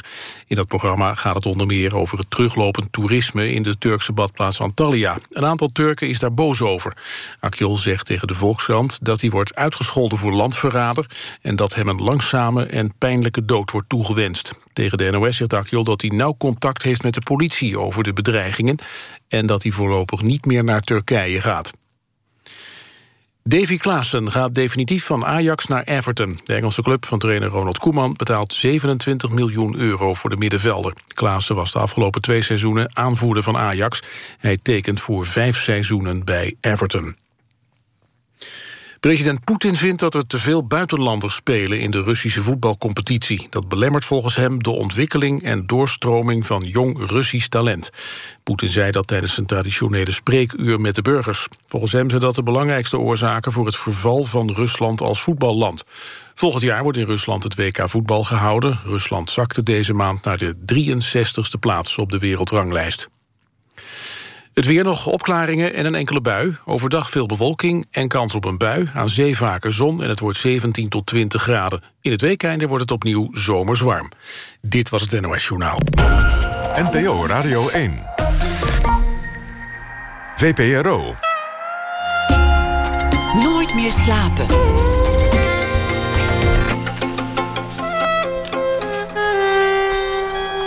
Met Pieter van der Wielen. Het is inmiddels een eh, klassieker op de Nederlandse tv. Het improvisatieprogramma De Vloer op. Zometeen uh, blikken we vooruit op een nieuw seizoen... met acteur Fabian Jansen en actrice Eva van der Gucht. Florence Tong komt op bezoek. Zijn schrijver heeft een uh, nieuwe roman IJsheiligen. En daarin leren twee halfbroers elkaar op late leeftijd kennen. Wat ze misschien beter niet hadden kunnen doen. Thomas Herma van Vos die leest zijn verhaal bij de afgelopen dag. Maar we beginnen met het cultuurnieuws. De nominaties voor de Polifinario zijn bekendgemaakt. Dat is uh, Nederlands belangrijkste cabaretprijs. Wordt jaarlijks uitgereikt aan het meest indrukwekkende cabaretprogramma. De vijf kanshebbers zijn Claudia de Breij, Theo Maas Ronald Snijders... het duo Vrijdag en Sandy Fort en Sanne Wallis de Vries. En 25 september wordt de prijs uitgereikt. Na het uh, Rotterdams Philharmonisch Orkest, dat onlangs de 28-jarige Lahav Shani tot chefdirigent benoemde, heeft ook het Residentieorkest een jonge dirigent aan het hoofd uh, gekregen. De 34-jarige Brit Nicolas Collin werkt al sinds vorig jaar augustus als gastdirigent. En hij zal uh, vanaf het seizoen 18-19 helemaal het dirigentenstokje overnemen. Vandaag werd uh, bekend dat ontwerper Robert Oxenaar, ook wel Ootje genoemd, is overleden. Ootje werd beroemd door zijn ontwerp voor de series Guldenbiljetten, de Zonnebloem van 50 gulden, de Snip 100 gulden en de Vuurtoren van 250 gulden. De serie werd uh, destijds wereldwijd beschouwd als revolutionair omdat er geen portret op stond van een uh, historisch figuur. Ootje werd 87 jaar oud.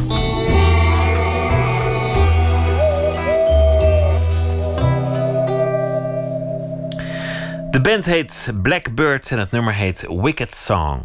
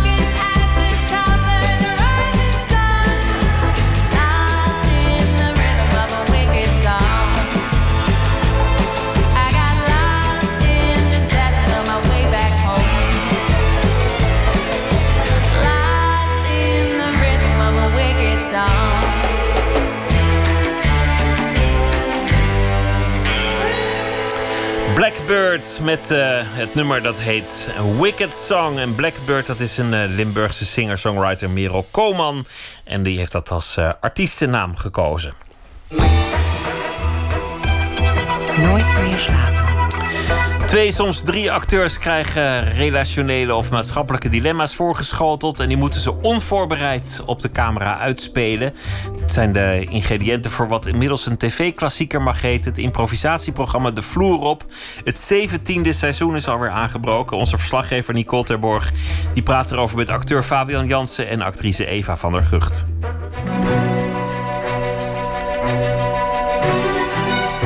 Heel erg zenuwachtig.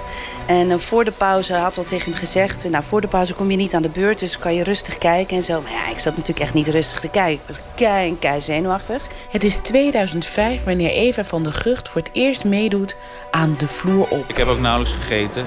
Want, uh, ik dacht, ik wil niet dat er iets van een maagborrel... dat dat in de weg zou zitten. En nu, 12 jaar later, is de vuurdoop van Fabian Jansen. Ik heb ook uh, geen koffie gedronken, want dan word ik net iets te scherp en dan krijg ik veel energie. Gewoon rustig aan, watertje. En uh, vervolgens uh, dacht ik ook nog echt de hele tijd...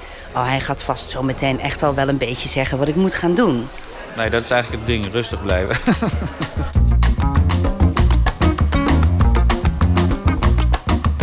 Fabian, Eva, jullie hebben al tien jaar een relatie. Maar daar zit de laatste tijd behoorlijk de klad in. Zijn allereerste improvisatie deed hij met mij. En uh, toen zei Peter, ja, we koppelen altijd nieuwe mensen aan oud-gedienden. Toen dacht ik echt, oké, okay, oud-gediende? ik voel me echt nog uh, net alsof ik net kon kijken. Ze, ze heeft ontzettend goede timing. En ze is schaamteloos. Fabian is echt een beest. Met heel veel humor en die ging echt als een trein. En het probleem is dat jij altijd de leiding neemt. Dat ik nooit eens de kans krijg om te zeggen wat ik wil.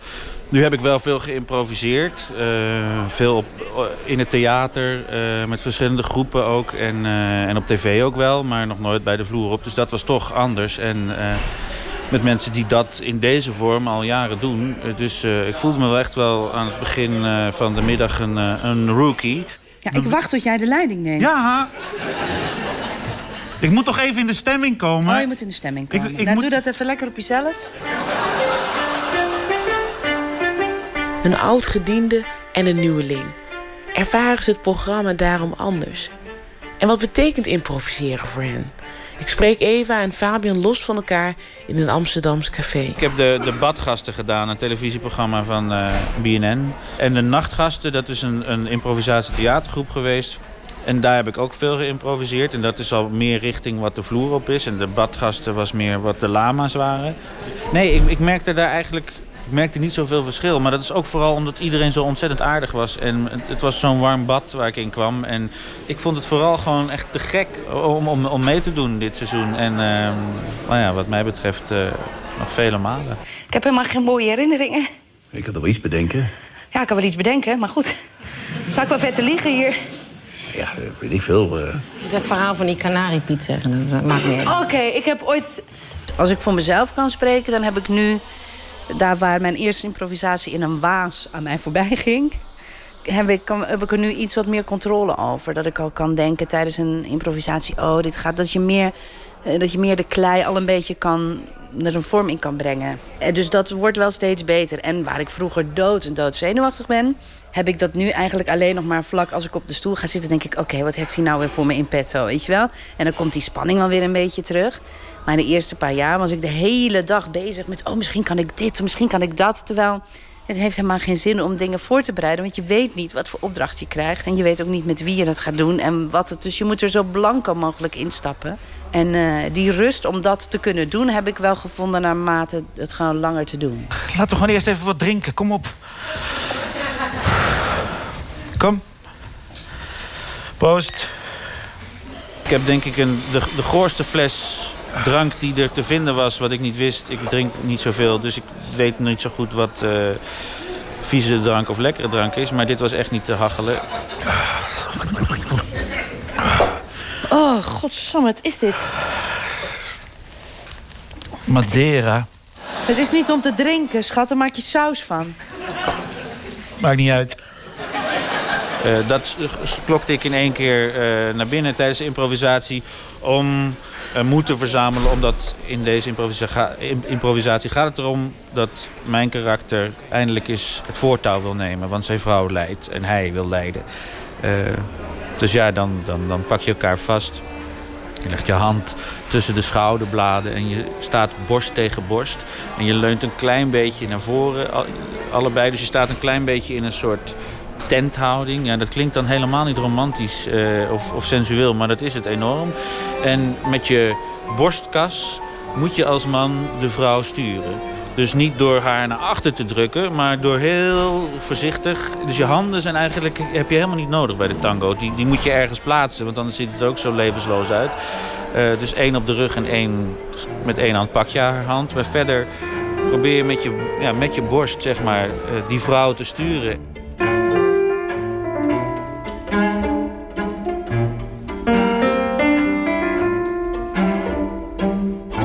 Nou kan ik een beetje tango dansen. Ik denk dat Peter dat wist.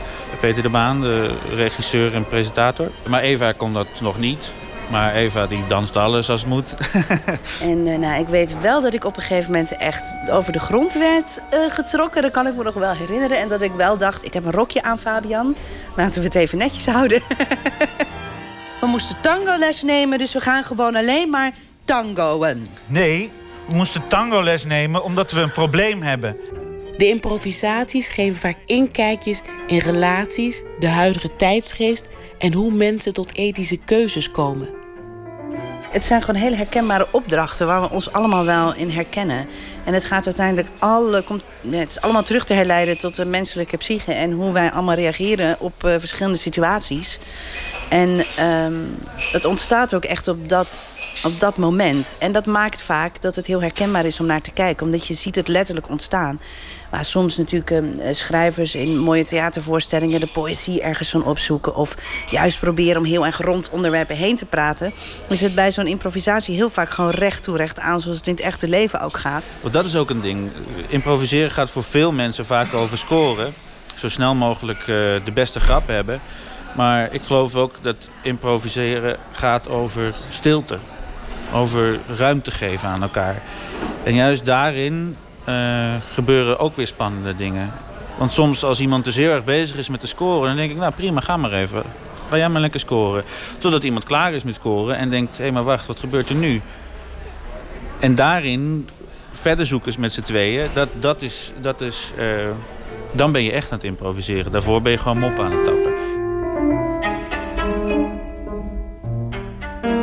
We moeten eerst wiegen, zodat we in het ritme komen waar je soms bang bent van ik weet het even niet, weet dan ook ja, dat de ander het misschien wel net even een briljant idee heeft. En dat het dus ook niet erg is als je even denkt, oh, ik weet het niet.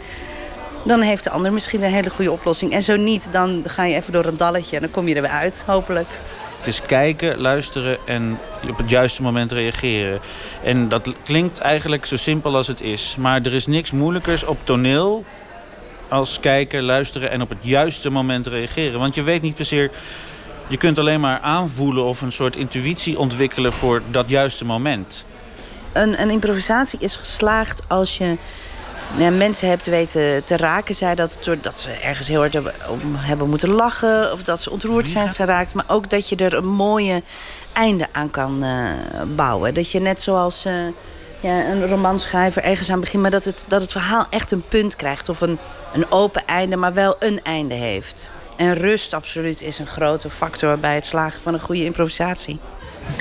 Nee, nee, nee, nee, nee, nee, nee, nee. nee ik, nee, ik moet leiden. Nu leid jij. Als ik naar achter ga, dan leid jij. Als ik ga improviseren, dan weet ik weer... Ja, jeetje, je maakt ook... Het is eigenlijk zo makkelijk om een goed verhaal snel neer te zetten.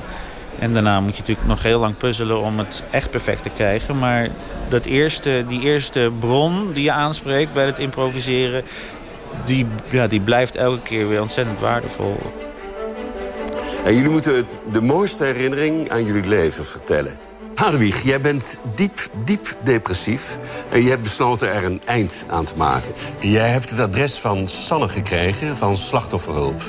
Want jij behoorde tot de groep die Sanne behoorlijk in elkaar geslagen heeft. En het uh, draait al heel wat seizoenen. Nu zijn er misschien mensen die denken van... ja, nu is de koek toch wel op. Nu hebben we het toch wel allemaal gezien. Wat denk je dan? Uh, they ain't seen nothing yet. Elke acteur is weer anders en neemt weer andere energieën, andere uh, verhalen, andere gektes en andere karaktertrekken met zich mee. Dus uh, ja, uh, dat is denk ik het leuke en vind ik ook het tof aan de vloer dat ze elk seizoen wel één of twee nieuwe mensen erbij vragen... om, om, om het voor die hele groep uh, vers en, en spannend te houden. Ik denk dat zeker een programma als De Vloer op zichzelf echt wel heeft bewezen. En uh, heeft een heel, heel, heel erg trouw publiek. Ja, dat is voor mij reden genoeg om te denken dat het nog lang niet genoeg is. Dat we er zo nog honderdduizenden kunnen maken. Ja, ik ben er ook nog lang niet klaar mee. En zolang Peter nog leuke opdrachten kan verzinnen... dan zit ik wel te hip op mijn stoeltje.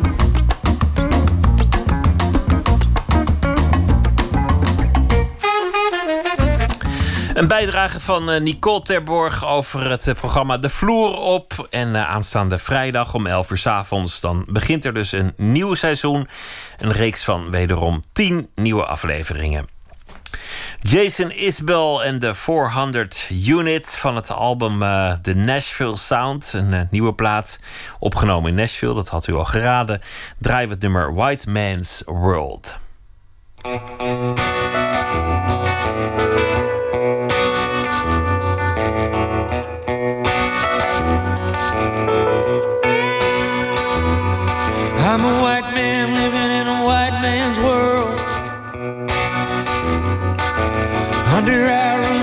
Baby girl. I thought this world could be hers one day.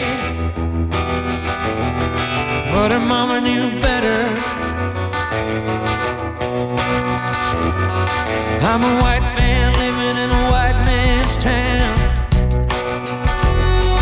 Wanna take a shot of cocaine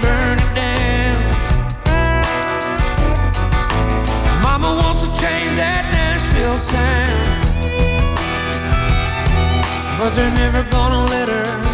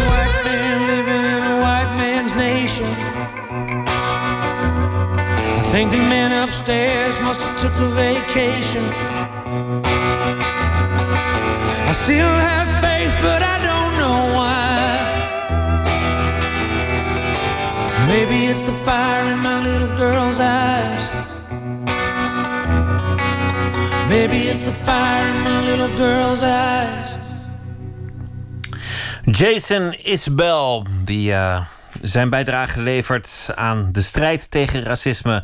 Het nummer heet White Man's World. Open kaart.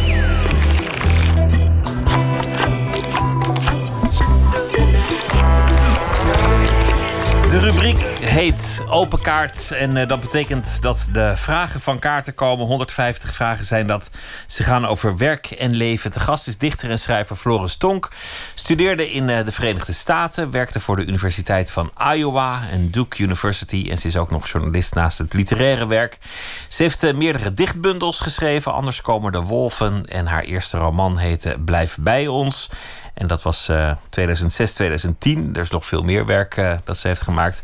Haar tweede roman, dat is de reden dat we hier zitten. IJsheiligen heet hij. Florence, welkom. Dankjewel. Een man eh, die weet eigenlijk altijd al dat hij ergens een halfbroer heeft.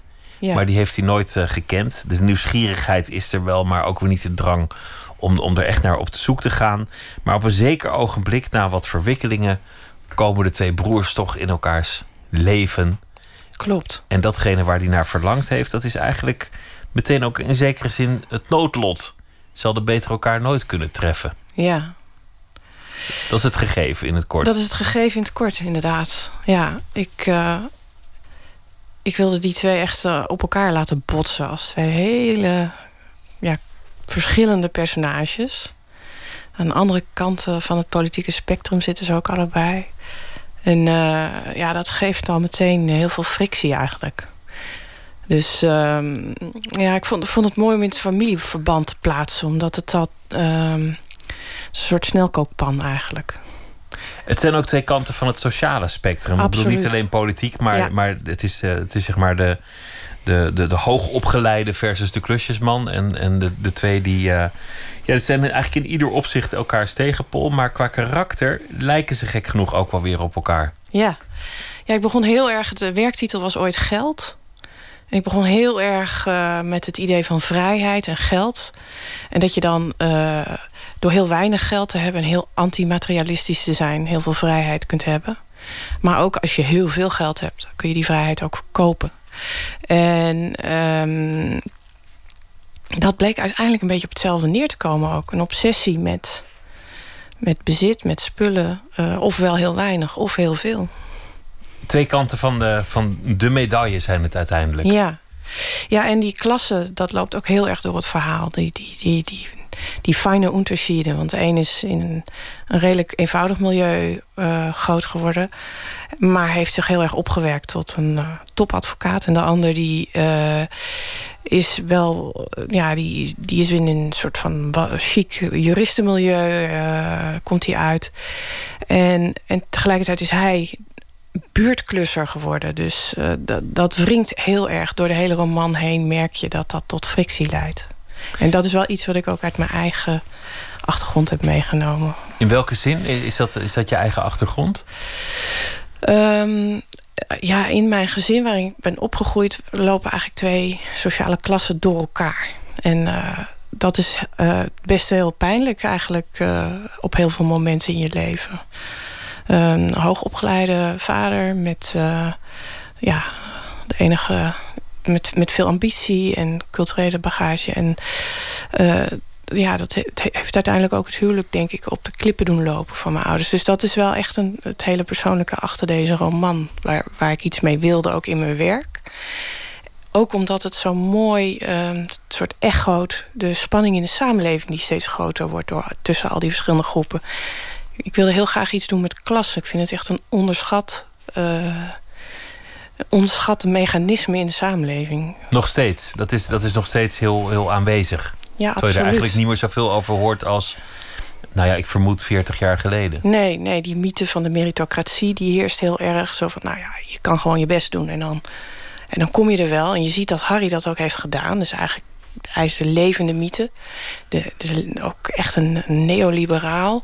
En toch zie je dat hij vervreemd is. Dat hij, dat hij dat meedraagt, die achtergrond. Dat hij op een bepaalde manier nooit helemaal zal passen in die top-elite waar hij zich in bevindt. Hij voelt zich altijd alsof hij nog iets te bewijzen heeft... of alsof hij elk moment nog weggestuurd kan worden. Ja. Het, het, eh, het is nog aanwezig. Die, die strijd tussen die twee broers en de strijd in die mannen zelf... Dat, dat heeft zich allemaal in jouzelf ook voltrokken. Dus eigenlijk een, een gevecht dat, dat, dat zich in jouw persoon heeft, eh heeft Ja, afgespeeld. ja, zo zou je het kunnen zeggen. Ja. Dan is er ook nog de moeder. De moeder heeft zich laten wegsturen na een affaire bij, eh, bij de, de verwekker van, van een van de kinderen. En ehm, toch eventjes de vader van, van beiden. Met achterlating van een van de twee jongens en medeneming van de andere eh, jongen. Iets dat ze achteraf gezien natuurlijk nooit had, had moeten laten gebeuren. Maar zo is het, is het gegaan. Ja. Die moeder is ook een belangrijk persoon, want, die- want die verliest eigenlijk haar, haar vermogens, haar verstandelijke vermogens geleidelijk. Ja, zij, eh, zij heeft een vorm van dementie. Dat heb ik niet gespecificeerd. Eh, wordt vergeetachtiger. En begint daardoor ook steeds meer over die eerste zoon te praten... die ze eigenlijk 43 jaar lang niet heeft gezien. En dat is dus eigenlijk ook de aanleiding voor haar jongste zoon... om te gaan denken van, goh, moet ik die man niet eens gaan zoeken? Heeft hij niet recht op, eh, ja, om eens een keer zijn moeder te leren kennen? En eh, nou, daar, daar, daar is hij heel schoorvoetend in, want hij ziet ook allerlei beren op de weg. En dat blijkt uiteindelijk terecht. Eh, ja, zo, zo zit het een beetje. Die moeder die, eh, ja, die, die, die gaat vreemd. Dat, dat doet ze voor een deel uit lust. Voor een deel om zelf te blijven bestaan in een wat eh, doodgelopen relatie. Misschien doet ze het ook wel een beetje uit, uit, uit wraak. Ja. Maar dat is iets dat, dat blijft terugkomen in het boek. De, de, de lust die, die kan mensen overvallen met, met heel veel verschillende motieven. Maar, Ja. maar daarin lijkt iedereen op elkaar. Al, al die scènes lijken. Mensen worden overvallen omdat ze doen tegen beter weten in. Ja, misschien is dat toch het zinnelijke of zo, um, als een soort tegenhanger voor het intellect. Dat, dat, dat, eh, en, en het is ook wel, het, het boek gaat ook heel erg over onvermogen. Dus je, je kan niet alles beheersen, je kunt niet alles controleren. En soms is je verlangen groter dan je, ja, dan je ratio. Ja. dat- zeker een thema ook. Je hebt een aantal andere elementen erin. Er, er wordt veel in eh, gedanst. Dat is volgens mij ook autobiografisch. Het, eh, het, het dansen eh, der tango's. Ja, ja dat, dat weet je waarschijnlijk nog uit mijn dichtbundel ook. eh. Ja. Ik heb ook veel tango-gedichten geschreven. Maar inderdaad, het was, was, ik was op een gegeven moment met Harry heel erg op zoek. Ehm, hij moest gewoon ook ergens van houden. Want anders zou hij zo'n kille pers- persoon blijven. En ehm, dat was eigenlijk ook een vraag van mijn, van mijn redacteur... die meelas en zei... eh, is er niet iets waar hij van houdt? En toen ben ik teruggegaan weer naar mijn schrijftafel... en toen opeens had ik het. Toen dacht ik, hij moet gaan tango dansen. En die tango die behoedt hem voor een burn-out. Dat is, eh, anders was hij al lang overspannen geraakt. Ja. Als hij dat, dat dansen niet had gehad. Je hebt ook eh, de, muziek eh, als, als soort playlist online gezet van, de, van deze. Of misschien heeft je uitgever dat gedaan, want er Ja. komt veel muziek in voor. Ja. Een soundtrack bij, bij de roman. Ja, ik. Dat, ging gewoon als vanzelf, heel natuurlijk. Het begon al vrij vroeg met dat motto eh, van een nummer van Hoagie Carmichael. Wat op een gedicht is gebaseerd, wat heel wrang is. En dat gaat over iemand die heel stoer doet van... eh, ik, het gaat prima met mij zonder jou, ik mis je niet. En dan, ja, dat is al een heel mooi, eh, heel oud nummer. En daar zit veel tango-muziek in. En daar zit klassieke muziek in. Dus, ja, dus het speelt door de hele roman een rol. Zullen we beginnen met de, de, de vragen? Hier, hier Ja. zijn de kaarten. Ik wil Ja. je vragen om, eh, om er één eh, uit Ik te kiezen. grabbel maar ergens uit het midden zo. Wat is mijn grote ondeugd? Ah. Kaasvlinders. Kaasvlinders. Dat is toch heel keurig, een kaasvlinder? Ja, nou, het is niet heel gezond. Maar bedoel je van die kleine harde of zo'n grote zachte? Juist van die, van die kleine harde boterdingetjes met, ja, met kaas. Ja, die vind ik wel echt... eh, dat kan ik echt niet weerstaan. Eh, en verder, ja... ehm, wat zal ik eens zeggen? Jij wil iets groters dan dat. Nou, nee, ik vind een kaasvlinder vind, vind ik op zich ja, vind ik al heel goed. maar iets groters, om- omdat, omdat eigenlijk de, de, de, personages in je roman allemaal door zinnelijkheid worden overvallen en zich ook kunnen verliezen in wat, nou ja, gewoon toch het leven laten winnen Ja. boven het andere pad. En wat ik daar dan mooi aan vind, is, is dat het de, de slechte keuze is die uiteindelijk gewoon de goede keuze is. Omdat blijven hangen in het goede, dat, dat gaat je niks brengen. Nee. Nou ja, ik, ik ben misschien wel erg veel verliefd geworden in mijn leven, ja. Dat Gewoon hals over kop. Ja, nou vooral de laatste keer. Ja, heel erg. Bodemloos. Ja, En ook heel snel of, of wel geleidelijk nog ja een beetje? echt eh, in een periode van eh, een paar weken. En toen werd het een ravage of, of werd ja, het werd gewoon een leuk? totale ravage. Ja. Ja. Uit heel veel eh, verdriet en, en, en moeilijkheden. Maar uiteindelijk is het wel... Is het slechte toch het goede gebleken. Het is heel bestendig gebleken. Dus eh, Ja. ja, dan heb je, toch, eh, heb, je, heb je toch goed gedaan. misschien wel. Zullen we nog zo'n vraag doen? Ja. Wat voelt lekker? Ehm, tijdens het koken een glas wijn drinken. Ehm, zwemmen. eh, borstkraal doen in een 50 meter bad. En dan eh, liefst buiten. Ehm, enorm hard in de tuin werken. Dat vind ik ook heel fijn. Dat, deed ik van de week nog. Toen was ik een beetje gespannen over de boekpresentatie. En, eh, en gewoon het feit dat het boek in de wereld was. En dat was dinsdag. Toen heb ik echt, echt als een beest in de tuin een huis gehouden. En, en de scharensliep was net langs geweest. Dus ik had allemaal hele scherpe gereedschappen. En ik moest ook wat terugsnoeien en onkruid wegknippen en zo. En ja, dat voelt heel erg fijn. Mooi. Laten we nog zo'n vraag eh, uitkiezen. Oké. Nou, dat is eigenlijk weer hetzelfde antwoord. Wat doe je om jezelf te troosten? Dat is echt die tuin in eh, waar ik ook schrijf. Ehm, ik heb een volkstuin. Dat is ook een autobiografisch element in de, in de roman eigenlijk. En die tuin, dat is al tien jaar lang mijn troost. Mijn grote ja, plek om me terug te trekken uit de stad. En om, om tot mezelf te komen en om, om te schrijven, om poëzie te schrijven of romans. En in de, in de eerste roman zat ook heel veel tuinieren. Alleen vond dat plaats in een dacha in Oekraïne. En daar, daar was ook een moestuin. En ik was op dat moment ook zelf een moestuin aan het, eh, aan het aanleggen. Dus, en nu zit het gewoon het, het volkstuinencomplex aan de rand van de stad. Zit in dit eh, boek. Er zijn heel veel schrijvers met een volkstuin. Hè? Ja. De, eh, Ja. Wolkers had natuurlijk een volkstuintje ergens in, in Amsterdam. Anton Valens die heeft vorig jaar een boek geschreven over zijn, Ja, zijn een grote volkstuin. compostcirculatieplan. Het, Jan Wolkers ehm, had echt op een steenworp afstand van mijn eh, tuin een volkstuin. En ik heb vorig jaar was ik een, een van de initiatiefnemers om zijn tuin te redden, zeg maar. En om daar een soort van schrijfhuisje van te maken. Omdat ik zoveel vrienden heb die ook schrijven. En die dan zeggen van... oh, ik zou ook wel zo'n plek willen... maar ik wil niet al dat werk van zo'n tuin. En zo was ik eigenlijk opgekomen om... eh, Om Wolkers eh, tuin eh, aan, aan de literatuur te geven. daar zijn we nu heel hard mee bezig. Oh, dat is toch gaande? En ja, we hebben ook subsidie gekregen. En ja, het wordt op, as we speak, wordt het opgeknapt. En waarschijnlijk een, kan, in de nazomer kan de eerste auteur erin. Oh, nou, dat is, dat, is, eh, dat is goed nieuws. Zullen we nog één vraag doen? Ja. Heb je een fobie? Ehm, nou. Nou, ik ben niet bang voor spinnen of zo.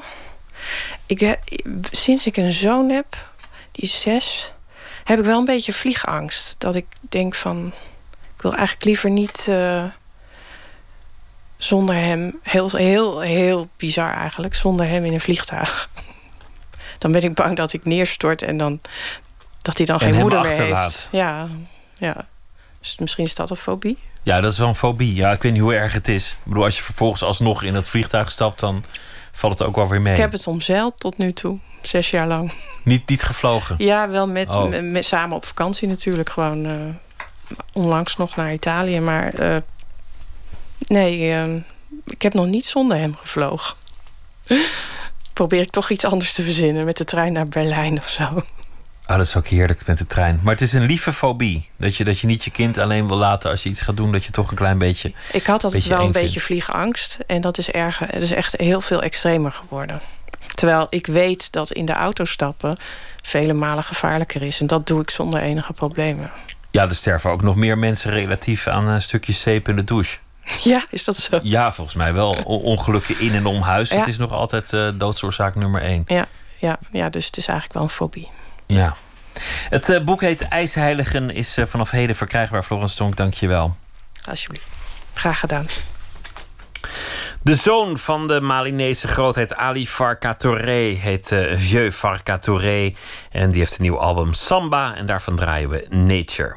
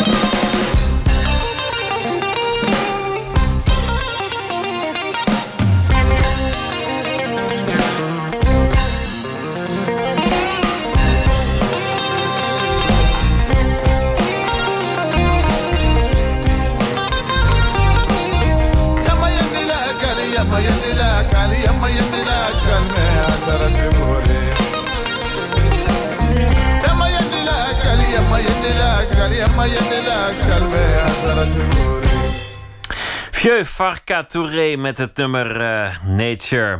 Drie zinnetjes is de titel van deze ene minuut, gemaakt door Bente Hamel. Het was een gezamenlijke brief van eh, mijn vrouw en ik. Gericht aan, eh, aan de leiders van, eh, van de groep. Waarin we kenbaar maakten ons terug te trekken. Dus het was een heel kort drie zinnetjes. Ik had in mijn hoofd had ik, eh, hele boeken geschreven. Die ik als brief eh, wilde versturen met tekst en uitleg en waarom. En daar heb ik van afgezien omdat eh, ons besluit vast eh, stond. En heeft het dan zin om alles uit te leggen, want je leeft eigenlijk al niet meer. Als je dat doet, dan ben je dus echt weg en dan ben je uitgesloten. En dan word je beschouwd zoals dat men dat daar noemt... een hond die naar zijn eigen uitbraaksel terugkeert. Zo word je beschouwd door je geloofsgenoten en ook door je familie. Mijn ouders en mijn zussen, zwagers, neven, nichten. Op het moment dat een brief zo in die rode brievenbus verdwijnt... dan weet je wat er gaat gebeuren. Dan is het stil.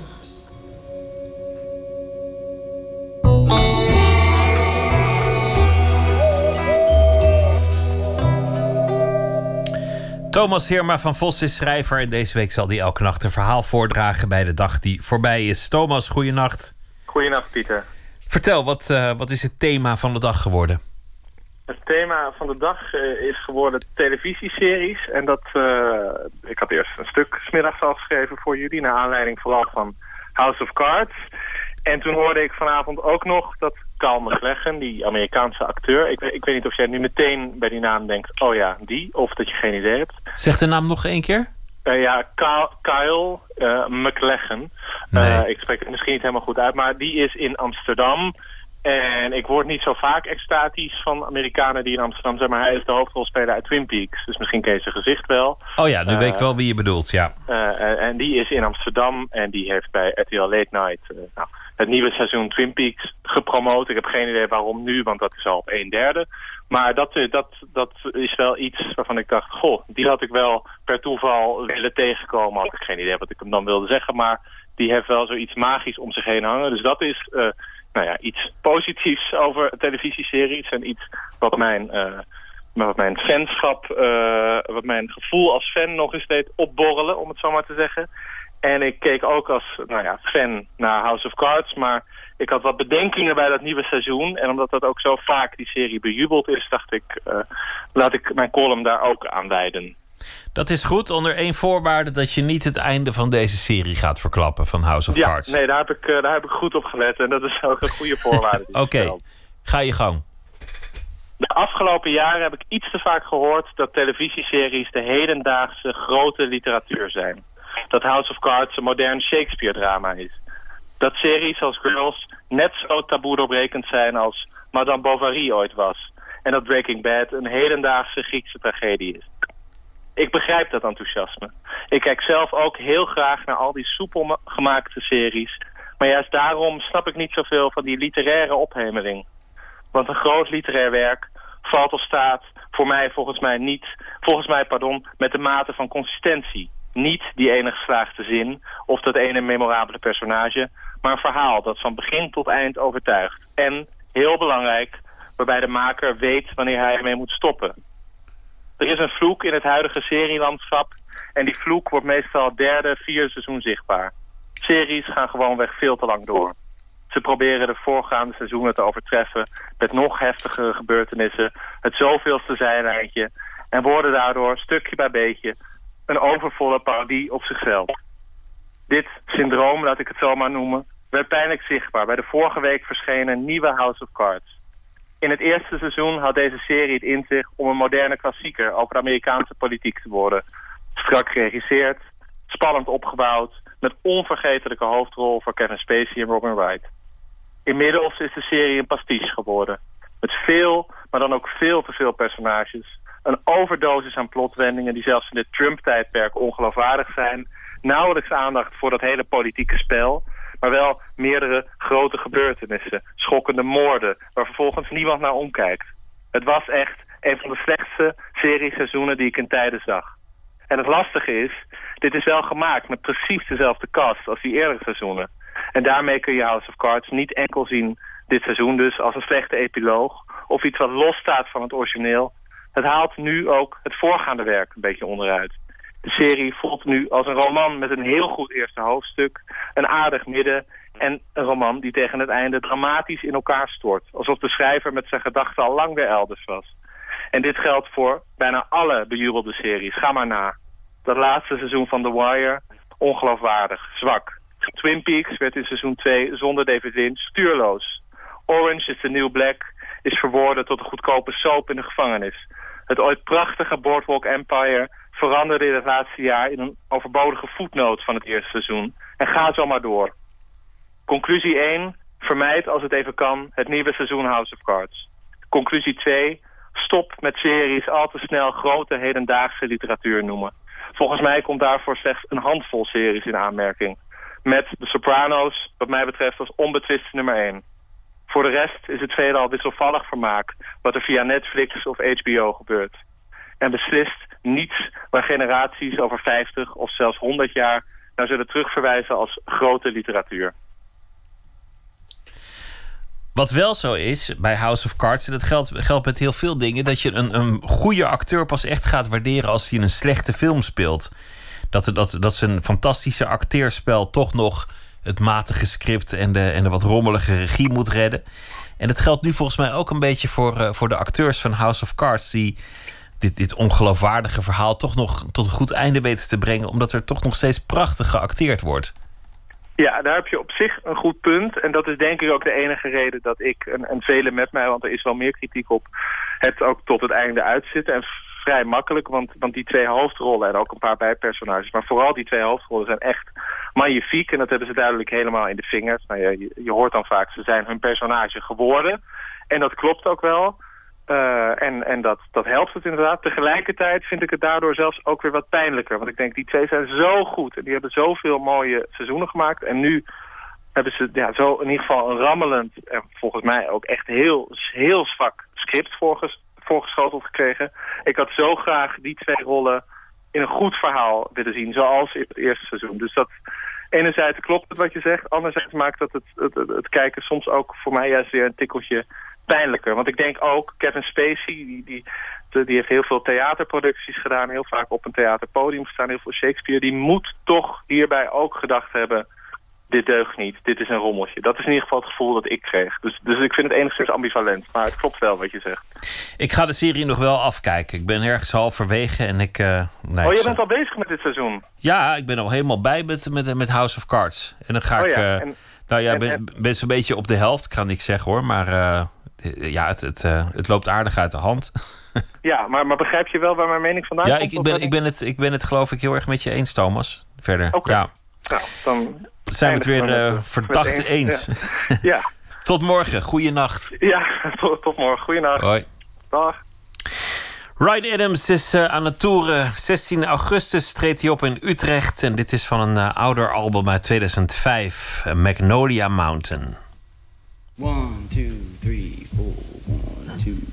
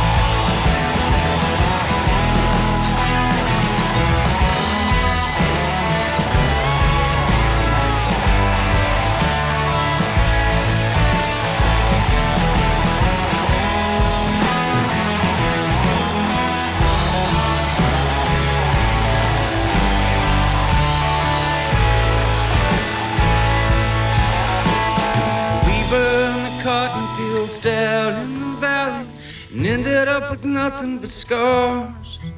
The scars became the lessons that we gave to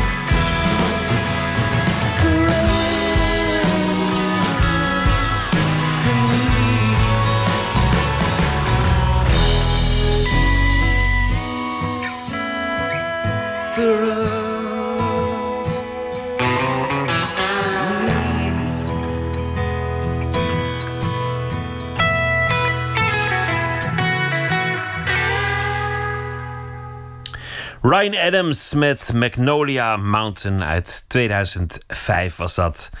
Roy Mohan is in de eerste plaats eh, muzikant, geboren in Suriname, kwam in 1974 naar Nederland. Als basis van zijn muziek gebruikt hij veel poëzie, ook van Hindoestaanse dichters. Hij schrijft ook zelf gedichten, zoals deze bijvoorbeeld Dit bestaan.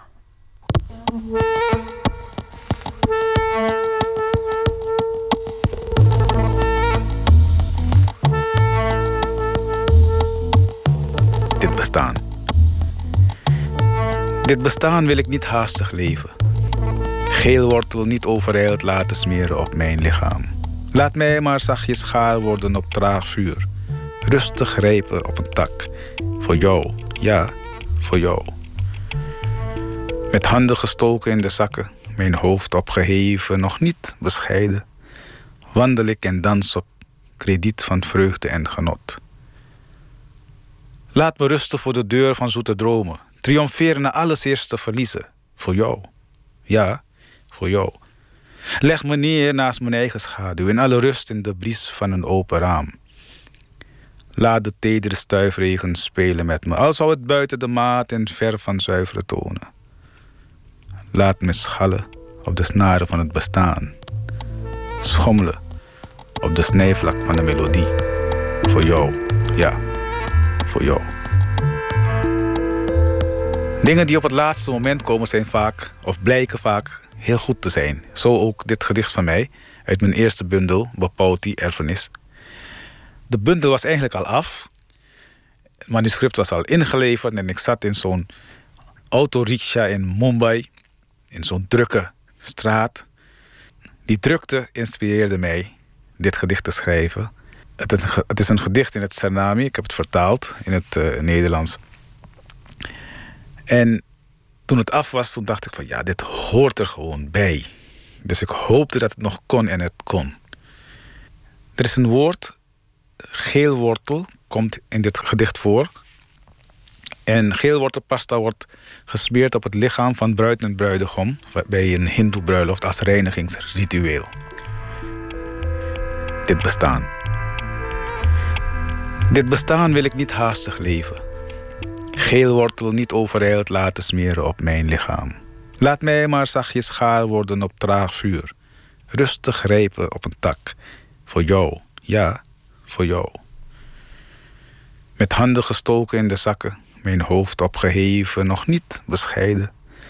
Wandel ik en dans op krediet van vreugde en genot. Laat me rusten voor de deur van zoete dromen. Triomferen na alles eerst te verliezen. Voor jou. Ja, voor jou. Leg me neer naast mijn eigen schaduw in alle rust in de bries van een open raam. Laat de tedere stuifregen spelen met me, al zou het buiten de maat en ver van zuivere tonen. Laat me schallen op de snaren van het bestaan. Schommelen op de snijvlak van de melodie. Voor jou, ja, voor jou. Muzikant en dichter Raimo Han las uit zijn eigen werk voor en het gedicht heet Dit Bestaan. Morgen in Nooit meer slapen komt Misha Hamel op bezoek. Hij is componist, dirigent, dichter. Hij componeerde orkestwerken, liederen. En uh, hij heeft nu een uh, bundel uit als dichter alle eden opgeteld. Dat morgen in Nooit meer slapen. Voor nu een hele goede nacht.